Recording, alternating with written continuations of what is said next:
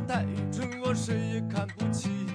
人们都只看到我长得很美丽，他们都不知道我的心地是善良的。都以为我很坏，都以为我不实在，都以为我的心里没有一。 Ez itt az Orient Express, az ázsiai kultúrák, népek, országok magazinja a civil rádióban. Üdvözlöm a hallgatókat! Szakári Máté vagyok, szerkesztőtársam Szilágyi Zsolt. Mai témánk a nemzetépítés, amely minden államhatalom egyik legfőbb feladatának számít, a kivitelezés azonban országonként eltérő módon eltérő eredménnyel és eltérő visszhanggal megy végbe. Ezért például a dél-kelet-ázsiai nemzetépítő törekvések kapcsán feltehetően nem Kambodzsa az első állam, amelyre a hallgatók asszociálnak.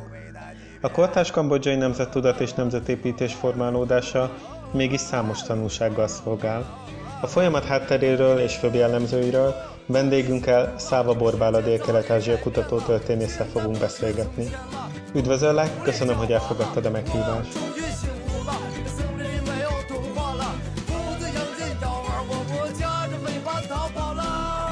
Én is köszönöm a meghívást, és üdvözlök mindenkit.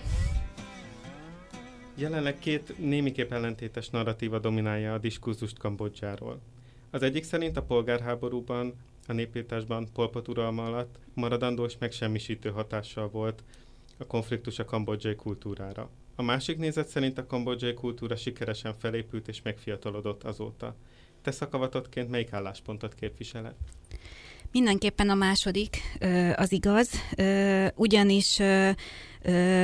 Polpot uralma valóban szó szerint megsemmisítő hatással volt mind a népre, mind pedig a kultúrára, viszont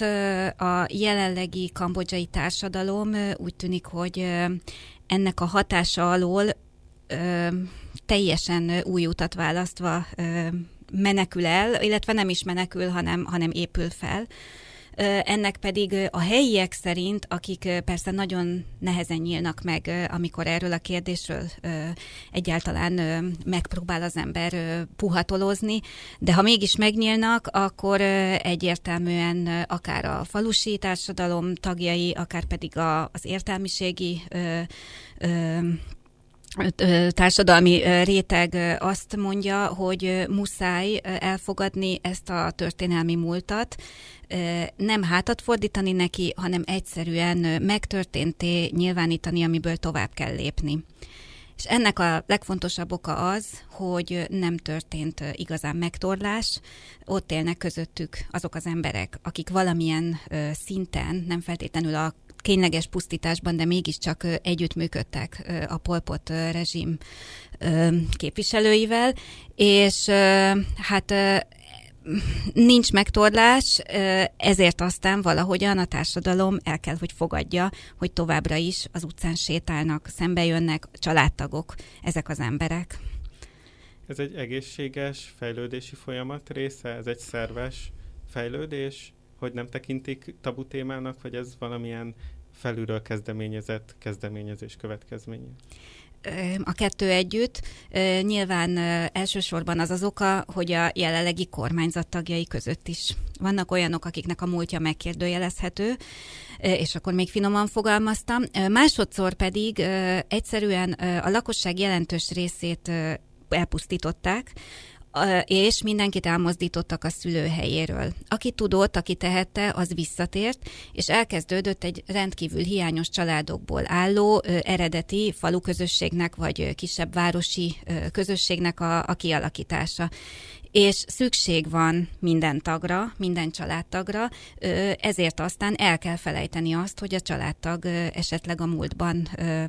nem olyan dolgokat tett, amelyek erkölcsileg, akár a buddhizmus, akár az általános erkölcsi törvényeknek megfelelhető, megfeleltethetőek. A másik, a harmadik vetülete pedig a buddhista vallás. Ugye Kambodzsa lakosságának jelentős része, azt hiszem több mint 90%-a egyértelműen és valóban hívő módon a buddhizmus tanait követi, a Theravada buddhizmus ö, hívői, vagy hívei, és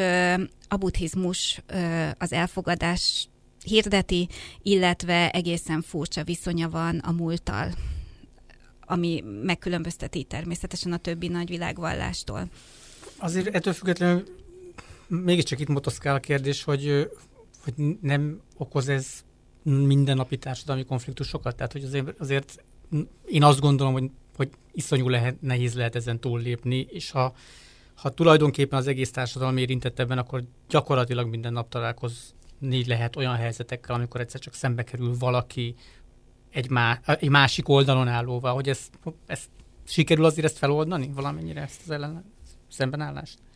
Én úgy látom, az, ezt már most már a saját tapasztalatomat mondom, tehát azok a családok, akiket uh, sikerült uh, mélyebben megismernem, uh, igen, mindennapos helyzetek ezek, hiszen nincs olyan család Kambodzsában, amelyik sérülés hiány mentesen élte volna túl a vörös uralmat, az egyetlen szerencséjük talán az, hogy a folyamatos népesség mozgatás miatt, ugyanis mindenkit az ország más területére tereltek, és ott kényszermunkára fogták az embereket. Ennek okán általában nem a saját falujukban találkoznak azokkal az emberekkel, akik ténylegesen az ő saját családjukban a veszteségeket okozták. Ettől függetlenül nyilvánvaló mindenkiről a múltja, ezt még akár én is, mint kívülálló baráng, ahogy a kambodzsaiak mondják, én is látom egy-egy tetoválásból, akár a viselkedési módból, vagy ha véletlenül rákérdezek az illető múltjára, aki mint nem is nagyon titkol egyébként, mindennapos egy-egy ilyen szituáció, és feltehetően mesterségesen is elnyomják önmagukban az emberek, mert tehát akármennyire is buddhista valaki, biztos, hogy nem tud mindenért megbocsátani és mindent elfeledni, de ez legalábbis az én tapasztalataim szerint soha nem jelenik meg konfliktusban. Most persze a politikai konfliktusoktól eltekintve, mert hogy egy-egy választás előtt nyilván azért fölerősödnek olyan hangok, amelyek egy picit már kihangsúlyozzák az adott jelöltnek a, a politikai múltját, de hát az a helyzet, hogy nem sok választás van mondjuk egy-egy választás előtt a, a jelöltek személyének kérdésében, mert az értelmiség, a hagyományos értelmiségi réteget kipusztították a polpoték, egy nagyon fiatal társadalom Kambodzsa, ahol ahol ahol jelenleg már kinevelődött egy értelmiségi réteg, azok vagy a kormány irányvonalát képviselik, ugye a kormányt a polpot rémuralmat követő polgárháború óta mindig ugyanaz a párt, a kambodzsai néppárt adja, és Hun Sen személyében a miniszterelnök folyamatosan ugyanaz a személy. Tehát vagy vagy eleve ezt az irányvonalat követik, vagy pedig nagyon, nagyon nehezen és nagyon csöndesen lehet csak bármiféle ellenzékiségről beszélni, és a legritkább esetben támogatja a társadalom sajnos az ellenzéki irányvonalakat. Úgyhogy marad az, hogy akik túlélték a polpot rémuralmat, és valamiképpen az értelmiségi réteghez tartoznak, és középkorúak, ők legtöbb esetben kapcsolatban voltak a vöröskmerekkel, hisz különben nem élnének. Hogyha a nemzeti identitás szempontjából ezt traumának tekintjük, a 70-es éveket, akkor mely időszakot tekinthetjük aranykornak? Egy olyan időszaknak, amire a nemzeti büszkeség forrása tekintenek vissza a kambodzsaiak. Mm, a nemzeti identitás kérdése, hogy ez a bevezetőben is elhangzott, az egy nagyon ö, szokatlanul érdekes kérdés Kambodzsában, hiszen talán nem túlzás azt állítani, hogy a mai napig nincsen nemzeti identitás, abban az értelemben, ahogy azt mi Európában, vagy akár más ázsiai államok esetében egyáltalán alkalmazhatunk, mint fogalmat. A, a kambodzsai nép kambodzsai nemzet, amely nagyjából egyelő a Khmer nemzettel, mint nemzettudat, egy abszolút mesterségesen előállított, és, illetve előállítás alatt lévő fogalom, vagy érzés, és ebből kifolyólag az is egy mesterséges választás, hogy nyilvánvalóan azt a korszakát teremti Kambodzsa aranykorának, bocsánat, most össze-vissza fogalmaztam. Tehát nyilvánvalóan azt a korszakot teremtik aranykornak, amelyik az európai középkorral megegyező időszakban létező nagy birodalom korszaka, egy nagy szárazföldi birodalom, utólag ankori birodalomnak hívjuk, hogy ankornak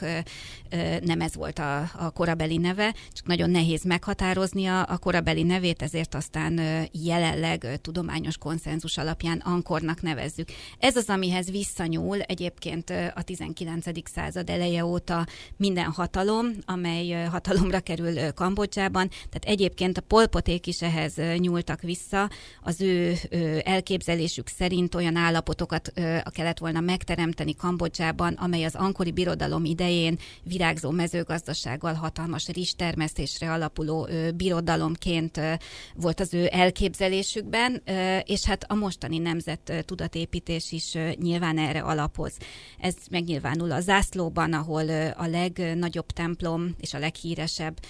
egyben világörökségi helyszín is, ugye Ankorvat jelenik meg, megnyilvánul abban, hogy most már az elmúlt húsz évben a gimnáziumi oktatásban is megjelent az ankori birodalom történetének az oktatása. Ez korábban egyáltalán nem így volt. Azt, mintha említetted volna korábban, vagy lehet, hogy valami korábbi beszélgetésünk kapcsán került elő, hogy ugye nem na, nagyon volt történelmi oktatás. Valahogy ez egy ilyen viszonylag új keletű dolog ö, Kambodzsában, ö, ami számunkra egészen fura, hogy, vala, hogy ez is egyfajta ilyen központi elhatározás irányából, vagy kezdeményezés irányából jön, hogy tanítani kell például az, az ankori történelmet? Mindenképpen. Tehát az, hogy nem volt történelmoktatás, az ugye a gyarmatosítás általános történelmi ismeretéből mindannyiunk számára nyilvánvaló, tehát ugye a francia gyarmatosítás, Kambodzsa francia gyarmat, az ezt megelőző időszakban egészen más volt az oktatási rendszer, ha egyáltalán rendszerként felfogható Kambodzsában, és az oktatás gyakorlatilag a buddhista kolostorok körében és buddhista szerzetesek által folyt. Itt a történelemnek, a történelmi múlt oktatásának annak semmi jelentősége nem volt, az, az azt hiszem, hogy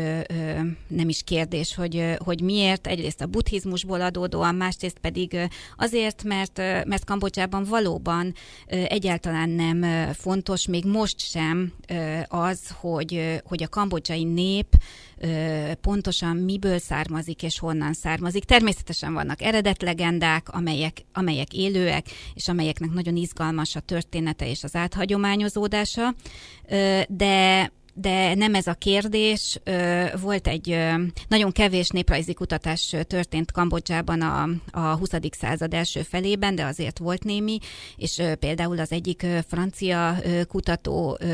járta a falvakat, és, és kérdez, ankori romok környéki településeket járt, és kérdezgette, hogy, hogy mit gondolnak az ankori romokról, kik építhették ezeket a romokat, és az egyértelműen kiderült, hogy senki sem gondolta azt, hogy a saját őseik építették a, a romokat. Egyáltalán Kambodzsában, a kambodzsai nyelvben az, hogy régen ilyen kifejezés nincsen, hanem úgy kell mondani, hogy száz évvel ezelőtt. Tehát gyakorlatilag ö, három emberöltőre visszatekint, a, a, a maximum az, amit három emberöltőre tekintenek vissza, és, és valóban a, a modern kambodzsai nyelvben is így kell mondani ezt, hogy régen, száz évvel ezelőtt. Ennél régebben nincsen. Na most ebből kellett ugye elindulni a, a 90-es évek polgárháborús időszaka után az új gimnazista vagy gimnáziumi oktatási terv és egyáltalán az egyetemek újraindítása során, és így, ahogy mondod, teljes mértékben mesterséges elhatározás az, hogy egy ideig nem tanították a történelmet, vagy csak nagyon érintőlegesen, inkább az irodalommal és a, a néphagyományjal összefüggő tantárgyak keretében, és aztán most már viszont tudatosan súlykolják, ha így tetszik, az ankori virágkor történetét, és egyébként néhány éve kezdődött el az a folyamat, amelynek során a Vöröskmer uraromnól is most már tanulnak a gimnazisták. Eddig erről nem beszélt ténylegesen senki az oktatás szintjén. És ez a történelem szemlélet elsősorban belső vagy külső forrásokra támaszkodik? Külső források, mert uh, úgy érted, hogy uh, tudományos forrásokra, vagy... Uh, Illetve a társadalmi diskurzus. Hát vannak, mint mondtam, legendák, amelyek szintén nagyon korlátozottan maradtak fent, hiszen ez a, a Vörös-Khmer uralom egyben azt is jelentette, hogy a, a falusi társadalmak és a családok teljesen szétzilálódtak, nemek szerint, kor szerint különböző táborokba, sokszor egymástól több száz kilométerre telepítették az embereket. Magyarul egy egész generáció úgy növekedett föl, hogy, hogy nem kapta meg a családi hagyománynak semmilyen szintjén a, a, az átörökítését.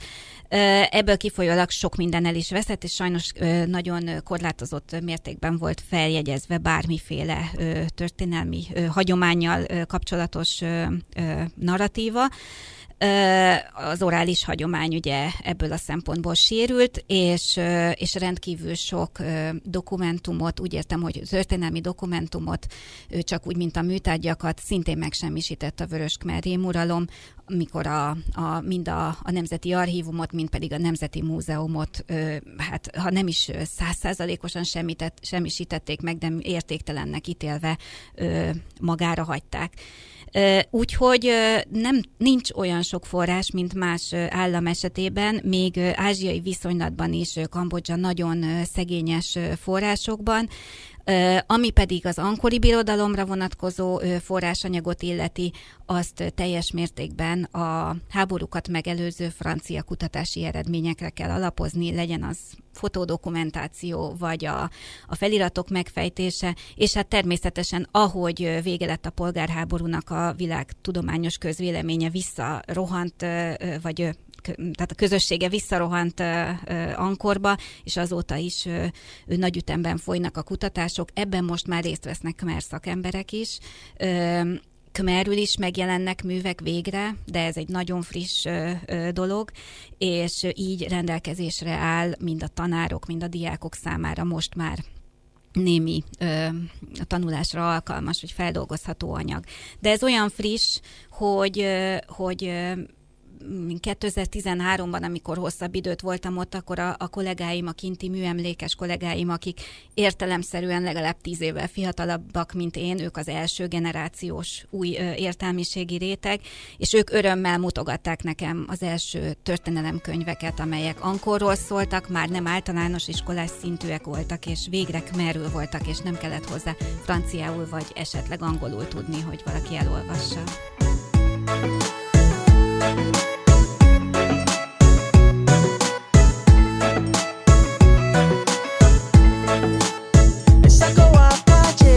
swag style បងចូលចិត្តឯសាក៏អាប់កាជេងក៏មុំបែក swag style បងចូលចិត្តមុងអូនស្រង់ទៅជាមុងកំពិតមុងអូនស្រង់ទៅជាមុងកំពិតក៏ប៉ុន្តែមានចិត្តចាប់អារម្មណ៍ស្នេហាមកមានចិត្តចាប់អារម្មណ៍ស្នេហាឯសាក៏អាប់កាកុយក៏មុំបែកស្លុយមានចា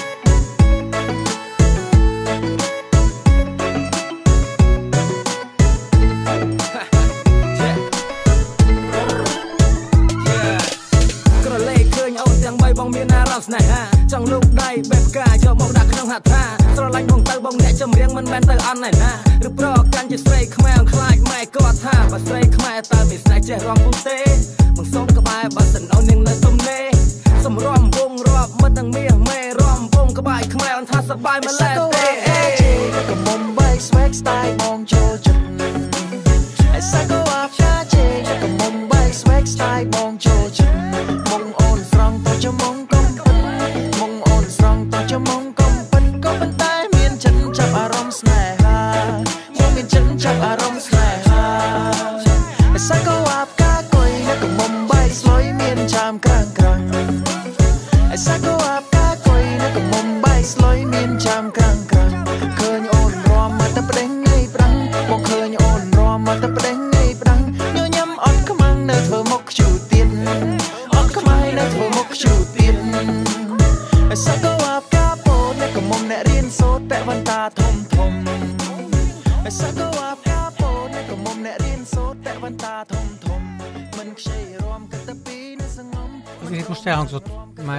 utalás arra vonatkozóan, hogy te voltál, többször voltál, sokat voltál Kambodzsában, ugye te kutatóként is visszajársz, és csoportokat is viszel.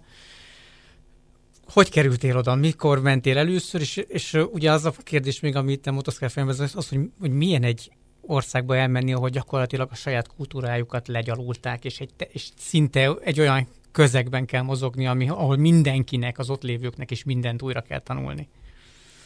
Ez két kérdés, a, és, és nagyon izgalmas a második. Talán ezért is imádok oda járni ezek miatt, az apró történetek miatt, amelyek pont választ adnak a második kérdésedre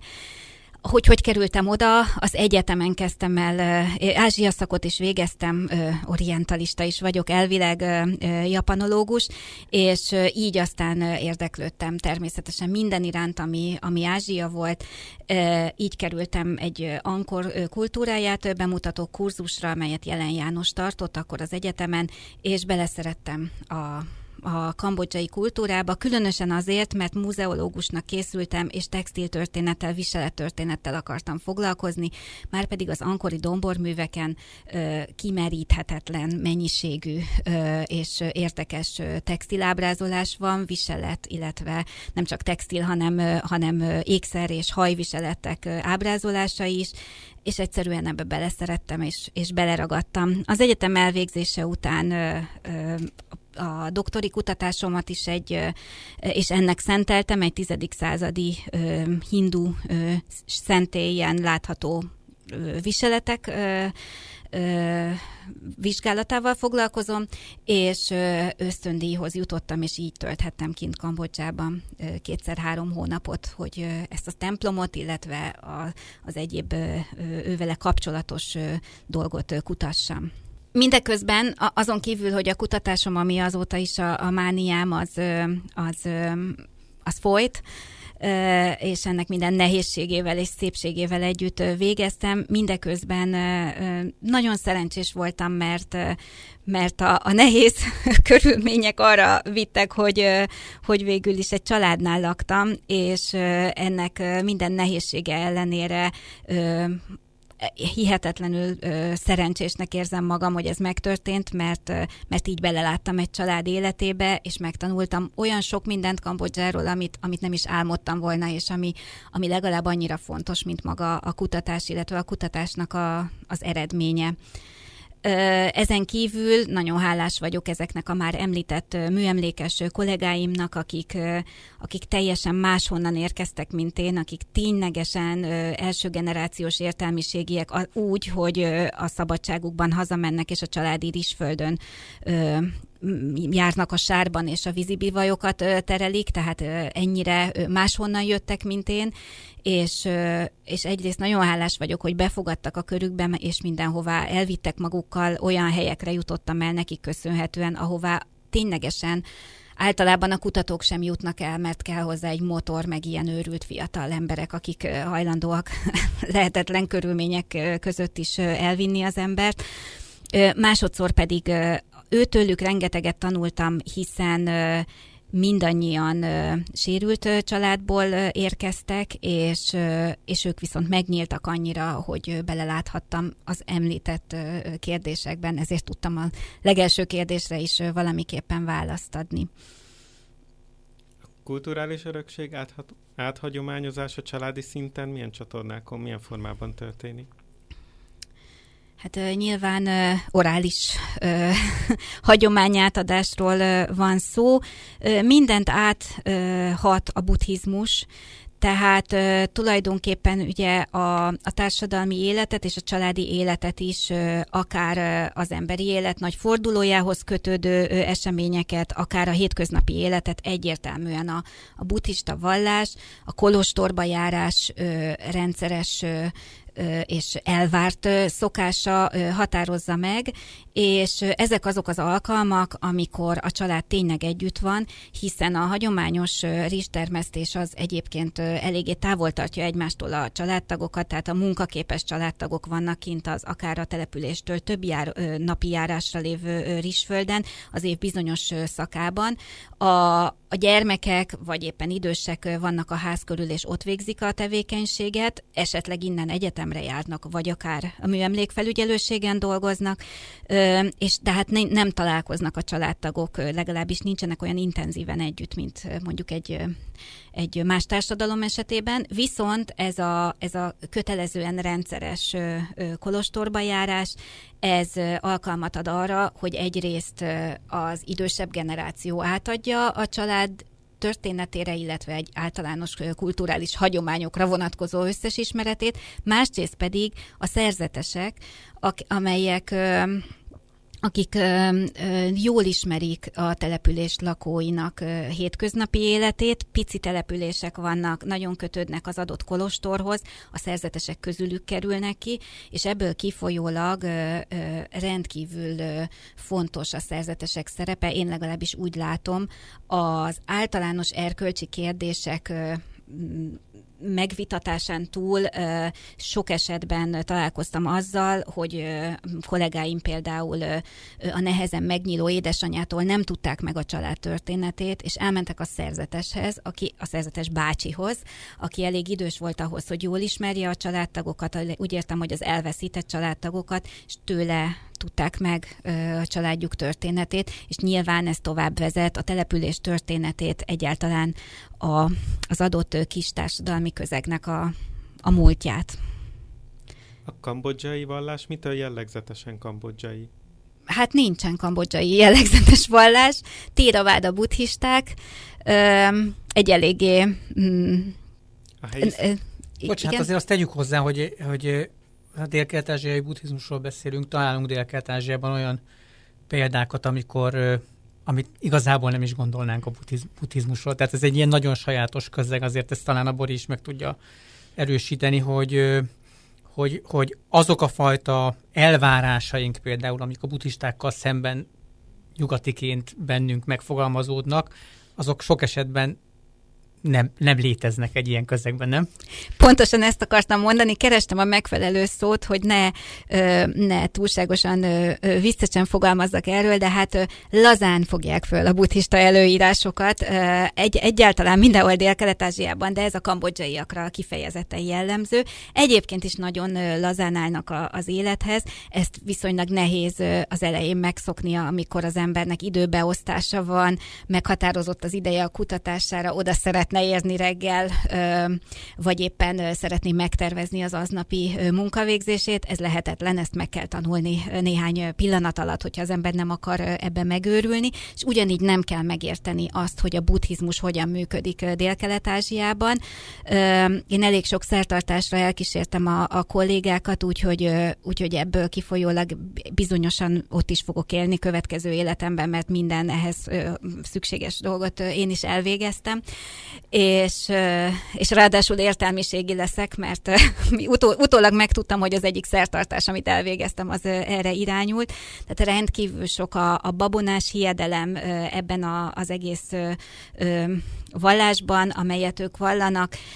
Ők buddhistának tartják magukat, mindemellett hisznek a szellemvilágban, neaktának hívják merül azokat a szellemeket, amelyek egyrészt a, a ház körül a telket védik, vagy akár fontos fákban, magukban az ankori romokban is megny- jelen vannak, és és ez az egész összekeveredik a hindu hagyományjal, elsősorban a Ramayana történetén keresztül, de Kambodzsa a 15. század óta nem hindu vallású, egyáltalán pont az én kutatásom is erre is irányult, hogy egyáltalán volt-e valaha a nép igazán hindu vallású, az egész nép, ugye ezt az egész társadalom, és nem csak az uralkodó réteg. Minden esetre azt lehet mondani, hogy semmi közük a hinduizmushoz, nem is tudják, hogy mi az, hogy hinduizmus, ráadásul az indiai lakosság, aki Kambodzsában él, kis számú és inkább muszlim vallású, minden esetre a Ramayana történet, ez egyébként egész Dél-Kelet-Ázsiára igaz, olyan bámulatos módon épült bele a kultúrába, hogy az irodalmi hagyománynak is az alapja, a népmesei hagyománynak is, a Ramayana történetek a, a, képezik az alapját, és így az egyáltalán nem meglepő, hogy egy buddhista szerzetes, egy-egy Ramayana történet eltorzított, kmeresített, neveket átcserélő változatán keresztül tanít egy-egy erkölcsi szabályt, és hát ez rendkívül érdekessé teszi, ha Zsolt szavaira visszatérve egy komoly vallástudat kutató számára nyilván komolytalanná teszi a kambodzsai buddhizmust, de másrészt viszont gyakorlása ha a szabályokat betartja az ember, akkor egészen úgy, úgy gondolom, hogy nagyon mély szinteket is elérhet, de egyébként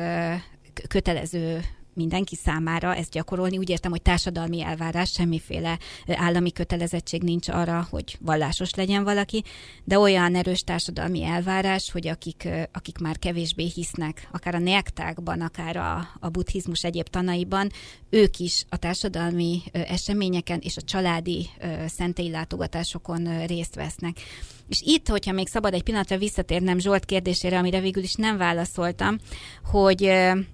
elmenni egy olyan országba és dolgozni egy olyan országba, ahol ennyire megnyírválták a, a kulturális hagyományt, és valószínűleg eleve nem volt uh, igazán szerves kapcsolatuk mondjuk az ankori, középkori birodalomhoz, uh, annak, a, annak a 20. századi társadalomnak, amelyet ráadásul még meg is nyírbáltak. Hát, és, és az Amajána is ebbe belejátszik ebbe a történetbe, tehát uh, uh, a kutatásom során olyan élményeim voltak, amelyek tényleg túlvezetnek azon a mániámon, amit az ikonográfia meg a hinduizmus jelent egyébként, hogy például tanulmányoztam egy Rávana domborművet Ankorvat falain, aki a Ramajánának az egyik főszereplője, a negatív főszereplő, a démon, a rossz, az ördög, ha úgy tetszik. És oda sonfordált mellém egy kmer kisfiú, elkezdtünk beszélgetni, megjegyzem, ő jobban tudott angolul, mint én kmerül, szerintem. 6-7 éves forma lehetett, és egy falusi kisfiú volt, aki nagyon tehetséges volt ezek szerint a nyelvtanulásban, mert tényleg aranyosan és jól beszélt. Persze csak jelen időben, mert a kmer nyelvben nincs múlt idő, úgyhogy a kmerek az angol nyelvben sem használják a múlt időt, csak a, a nagyon szofisztikáltan angolul beszélők. Na tehát oda jött hozzám a kisfiú, és megkérdezte, hogy miért nézem ezt az alakot. És én mondtam neki, hogy azért, mert ezt, tanul, ezt tanulom, hát azt szoktam ott kint mondani, hogy könyvet írok erről a szentéről, mert az, hogy az ikonográfiát tanulmányozom, ez ugye nem sokat mond. És akkor megkérdezte, hogy tudom-e, hogy ki az az alak. Én mondtam nekik merül, hogy persze tudom, ez a, a démon. És akkor teljesen elképett, és azt mondta, hogy hát ezt honnan vettem, ezt a bolondságot, ami azért is volt különösen szokatlan, mert nagyon udvariasak, főleg a felnőttekkel, és kiszaladt a száján, hogy én, tehát én teljesen bolond vagyok, hogyha azt állítom, hogy ez itt, az, ez itt a démon, ez itt egy egy kép, és ez nem lehet a démon. És kérdeztem tőle, hogy miért gondolja, hogy ez nem a démon, és azt mondta, hogy azért, mert a démon a színházban van. Hiszen a mai napig a kambodzsai falusi előadók a Ramayana történeteit adják elő, akár bábszínház formájában, ott is van árnyjáték, bár nem olyan fejlett, mint Indonéziában, akár emberek által, amatőr színészek által előadott formában, és a kisfiú ismerte ö, rá, Rávana alakját a színházból, semmi kapcsolata nem volt annak az alaknak nyilvánvalóan az ábrázolt figurával. Akkor elkezdtünk beszélgetni, és őt is egy picit kérdezgettem arról, hogy vagy van-e fogalma arról, hogy azok között a falak között, amelyek között ő nap mint nap sétál, ásványvizet árusított egyébként a turistáknak. Van-e valami fogalma arról, hogy e, ehhez neki köze van, és hát nyilvánvalóan semmi fogalma nem volt erről. Hát ő nem nagyon járt iskolában sem, az iskolások ezek szerint most már egy picit tanulnak erről, meg osztálykirándulnak Ankorba, de alapvetően az a kisfiú, aki pontosan tudta, hogy ki az a Rávana, valószínűleg jobban, mint én, vagy jobban értette, hogy ki a, a Rávana, az egyrészt semmilyen kapcsolatban nem volt a, az ábrázolással, a helyszínnel sem, de közben meg benne élt. És egyébként ugyanarról beszéltünk, ugyanarról a démonról ez az általános téraváda buddhizmus, a khmer etnikai és nyelvi többség, Ez teremt valami közösségi érzést a kambodzsaiak között? Mindenképpen, és különösen azért, mert hogy összefügg az uralkodó személyével, Kambodzsa egy alkotmányos monarchia, van uralkodója, most 2004 óta Norodom Szihamoni személyében, és az uralkodó egyértelműen és folyamatosan újra és újra kinyilvánítva a téravád a buddhizmusnak a híve, ennek megfelelőek az állami szertartások. Ebben egyébként nem különbözik Hun Sen sem a, a miniszterelnök, tehát mindketten minden fontos állami szertartáson azt a buddhista ö, szertartási rendnek megfelelően ö, rendezik meg, ö, olyannyira, hogy ö, most, amikor az elmúlt ö, másfél évben ö, hát erőteljesen ö, Hun Sen megerősíteni látszik saját hatalmát, és mivel, mivel megjelent ellenzék, ezért ezt ugye hát minden erővel igyekszik nem csak fenntartani, hanem erősíteni is. Így például mostanság olyanok is előfordulnak, mint talán májusban, áprilisban vagy májusban, áprilisban volt ez igen, hogy elment Ankorvatba, és Ankorvat közepén mutatott be a Hunsen egy olyan nagyszabású buddhista szertartást, amelyet csak egy-egy újabb település alapításakor szoktak bemutatni a, az adott településhez tartozó, vagy a leendő település leendő kolostorába tartozó szerzetesek. Több száz szerzetes jelenlétében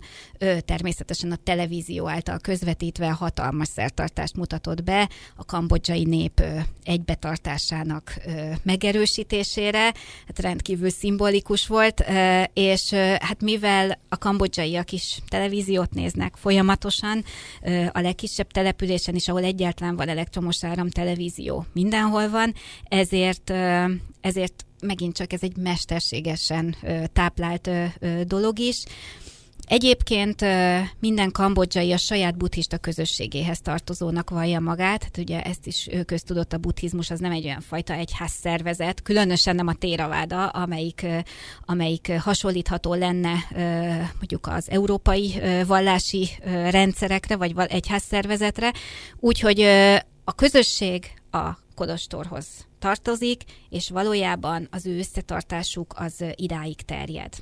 ma már választani kell, ma már tudják, hogy van miniszterük, de, de alapvetően egy személyhez kötődnek az uralkodóhoz, függetlenül attól, hogy ő karizmatikus személyisége vagy sem, hiszen az apja Norodom Szihamoni ugye egy lényegesen karizmatikusabb valaki volt, akihez valóban lehetett rajongással kötődni,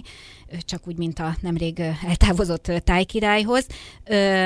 Szihanukot mondtam, ha jól emlékszem, és Szihamoni, a fia, ő kevésbé karizmatikus, de ez teljesen független a, a nép hozzávaló kötődése, ettől független hozzákötődnek, illetve a saját közösségükhöz, amelyet a kolostor határoz meg.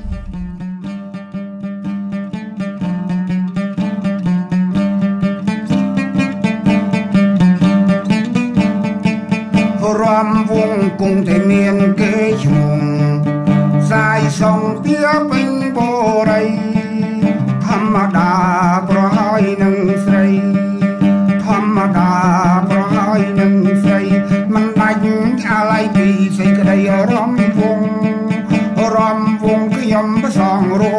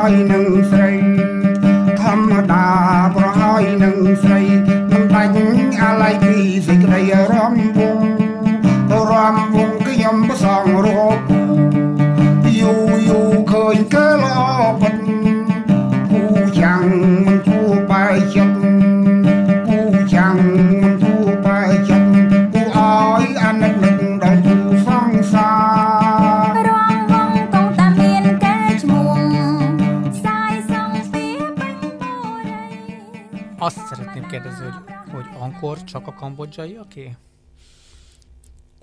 Attól függ, hogy ezt egy kambodzsaitól kérdezzük é vagy sem, hát, vagy én- tőlem. Ez egy provokatív kérdés, Igen. Tő, én tőled kérdezem, óvatosan. Igen. Szóval, hogy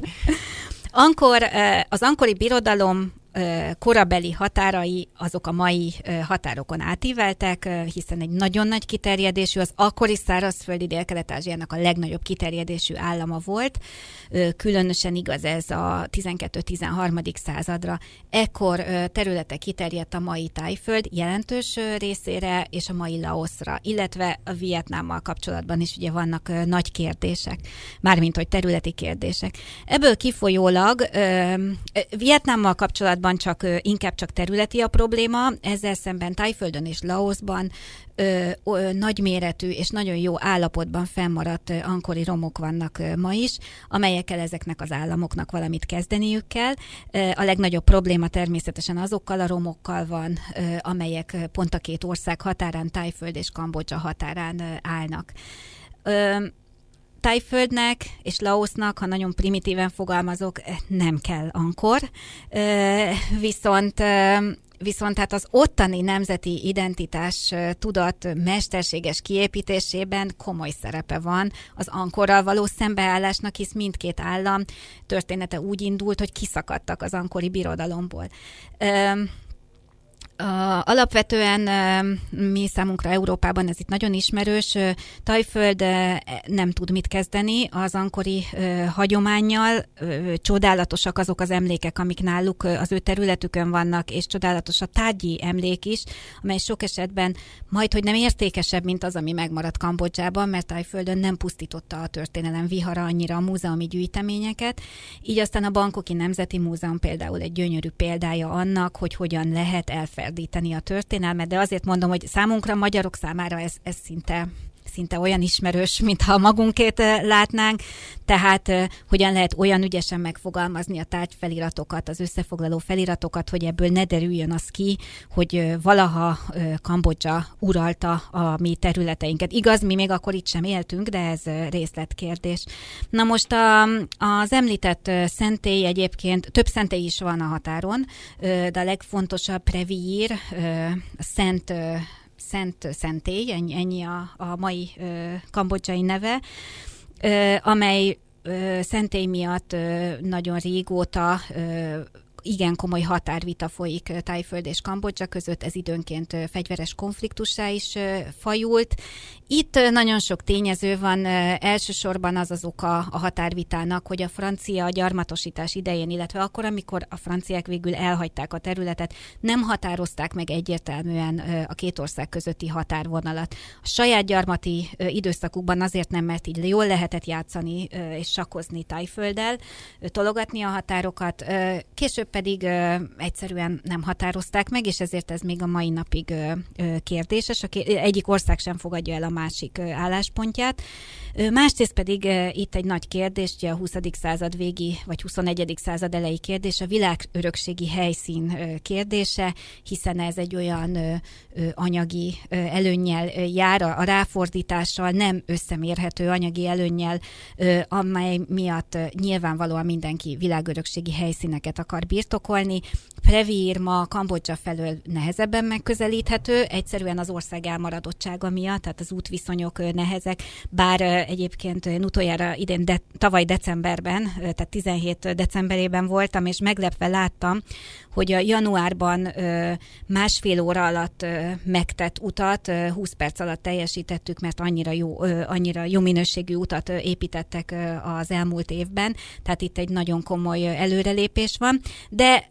összességében ugye Kambodzsából viszonylag nehéz megközelíteni ezt a határmenti szentélyt, nem úgy, mint Tajföld területén, ahol autóval elérhető, néhány órás autózással elérhető repülőtér távolságról beszélünk, egy eleve sokkal fejlettebb országban, infrastruktúrálisan és a turizmus tekintetében is fejlettebb országban, tehát nagyon nagy érdeke fűződik Tájföldnek ahhoz, hogy bár történelmi múltként nem akarja hangsúlyozni, különösen nem a nemzeti identitás építésben azt, hogy ankori romjai vannak, de, de ugyanakkor pedig egy, egy kihasználható ö, világörökségi helyszín. És hát ö, sajnos ez nem fog megoldódni még egy ideig, nagyon sok sokszor ténylegesen ö, fegyveres konfliktus is kialakul, én is éppen voltam ott, amikor hát szerettem volna menni Tájföldről Kambodzsába, mert jelenleg hivatalosan Kambodzsából látogatható csak Prevír. Tájföldről megközelíthetőek, megközelíthetők hívek, mert hogy egyébként működő buddhista szentély van benne, tehát a buddhista hívek oda zarándokolhatnak, de mondjuk egy turista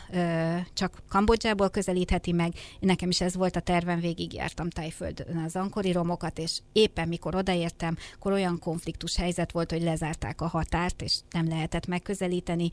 Néhány hónappal később újra megnyitották, most éppen nyitva van, tudomásom szerint. A kambodzsai társadalom mobilizálható a kulturális öröksége védelme céljából? Tehát a politikusok ezt kihasználják? Ö, kevésbé. Ö, ennek ennek egyrészt az az oka, hogy nagyon szegény a társadalom. Tehát azért a társadalom jelentős része, nek még tényleg nem ez a központi problémája, hogy hogy hogyan kellene a kulturális örökséget védeni. A tárgyi örökség védelme az meg különösen nehéz, hiszen itt Ankorról mindenkit hallott már, mindenki ismeri Ankorvatot, talán Bajonta nagy arcszornyaival, sőt, nagyon sokan járnak már Ankorba, akik ennél jóval több ismeretet is szereznek, de, de az valahogy azért kevésbé közismert, hogy, hogy ezek a, rom, a nagy romok is esetében is több száz épületről beszélhetünk szerte az országban, illetve Tájföldön és Laos területén is, de kisebb tárgyi emlékek, mint például egy 10. századi feliratos szanszkrit és Ókmer feliratos ajtóbéllet, ez minden harmadik kambodzsai faluban valakinek a disznóla mellett ott áll a kertben. És ezek, ezeket a franciák annak idején a 40-es, 60-as évek között katalogizálták. Tehát ráadásul tudjuk is, hogy hol vannak ezek, de olyan mennyiségű, hogy, hogy múzeumi gyűjteménybe begyűjteni lehetetlen, a raktárak teljes mértékben tele vannak, úgyhogy erre nincsen kapacitás, infrastruktúrális kapacitás, teherautó és személyzet sincsen, mondjuk a személyzet lenne a legkevesebb. Tehát ezek ott vannak, és egyébként ezt jártam én is a, a kollégákkal hétvégeinken faluról falura is megnéztük, felmértük ezeknek az állapotát, és hát ennek során is láttam, hogy a, a helyieknek fogalmuk sincs arról, hogy mi van a kertjükben, beépítik a kerítés alapjába, de óriási szerencse, hogy a Khmer építkezés vidéken még mindig fa alapú és bambusz alapú, mert különben már semmi nem lenne ugye ezekből a, ezekből a romokból vagy kövekből, de hát a kerítés alapba azért, azért megfelel, mint jó kis erős homokkő. Minden esetre ott vannak, és hát az én kollégáim abszolút magánvállalkozásban egyelőre gyakorlatilag ilyen önkéntesként oktatásokat tartanak a falusiaknak, amelyben főleg a gyerekeknek, akik vevők erre elmagyarázzuk, hogy ebben is részt vettem, és elmagyaráztam tudtuk, hogy, hogy miért értékesek ezek a kövek, és, és a kollégáim, akik értik ezeket a nyelveket, lefordították a gyermekeknek azt, hogy a régi királyok mit írtak a, a kövekre, de ennyi. Tehát a állami szinten ennek még, ennek még semmi jelentős eredménye nincsen. Záró kérdésként még feltenném, hogy mik a kambodzsai kultúra, nemzeti identitás, nemzettudat kilátásai. Ugye szóba került a turizmus, mint a gazdaság egyik húzó ágazata. Kambodzsa ma soha nem látott mértékben nyitott a világra. Ez milyen hatással van a globalizáció, az ázsianizáció, modernizáció az országra? Ez jó hosszú záró kérdés. Igen, a turizmus, a turizmus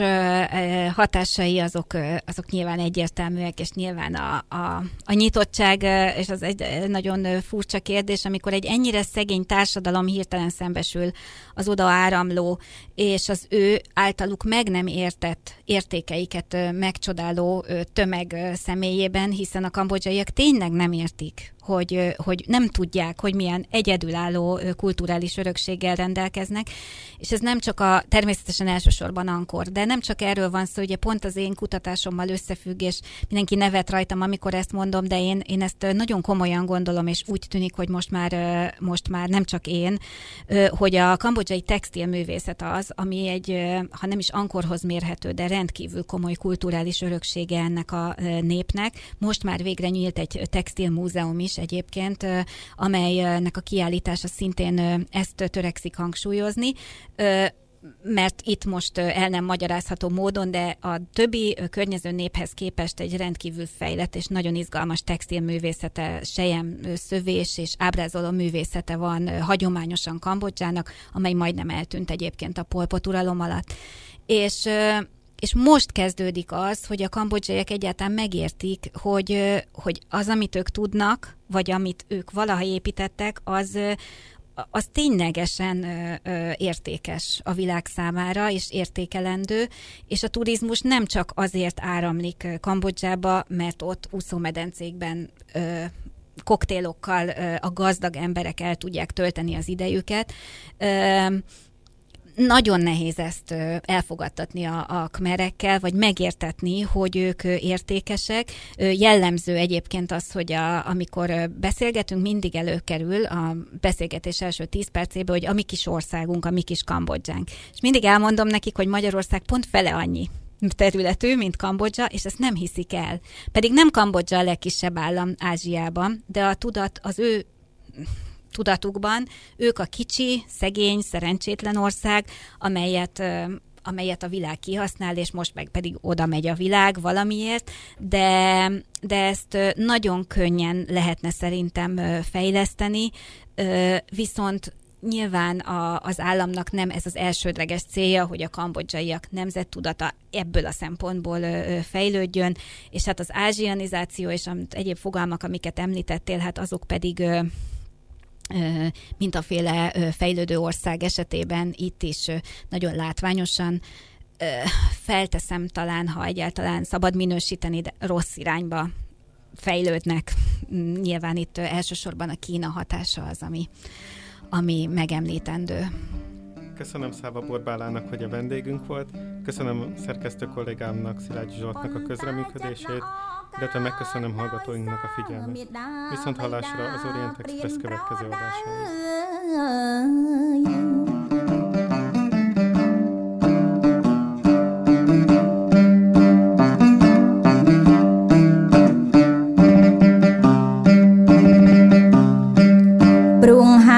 ដូច្នឹងកូនមៀងឆ្អិនអេអើយកូនគិតឲ្យប៉ិនកុំឲ្យឆៅអើយ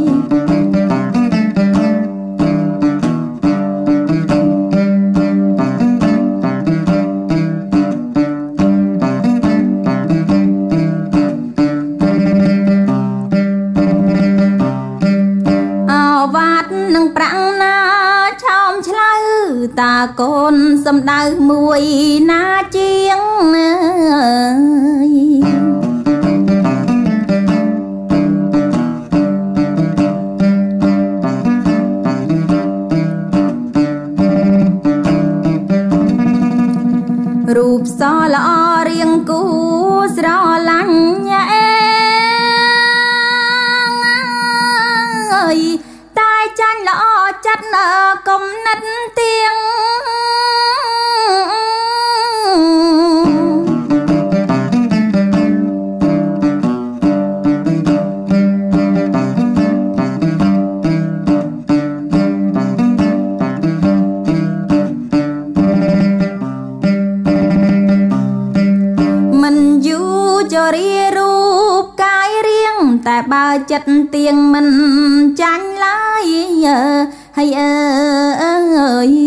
បើចិត្តកូនទៀងមិន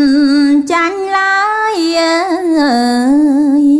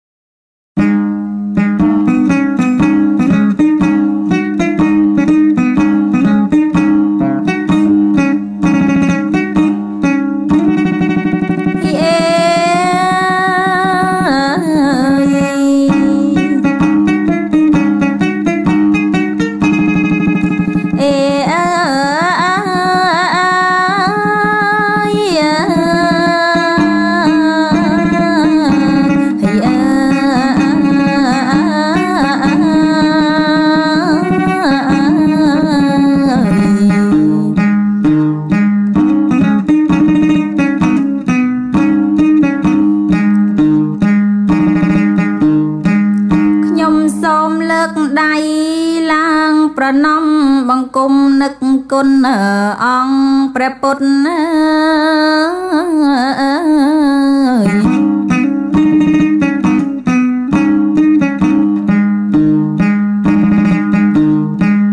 ព្រះធម៌ព្រះសង្ឃដ៏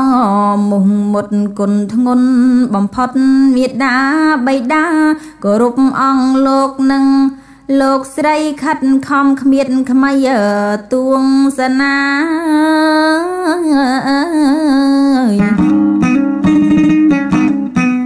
សិល្បៈបុរាណដ៏ថ្លៃថ្លាគេពីដូនតាល្អប្រពៃ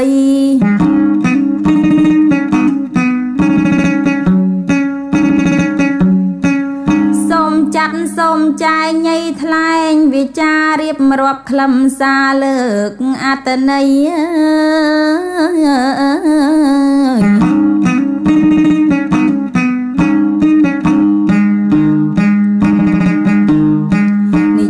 ពីស្ត្រីខ្មែរដ៏ថ្លាថ្លៃជូនញាតប្រុងស្រីស្ដាប់នឹងទស្សនាពូជពងវងសាវវតាខ្មែរឥតមានកែប្រែចង្រិយា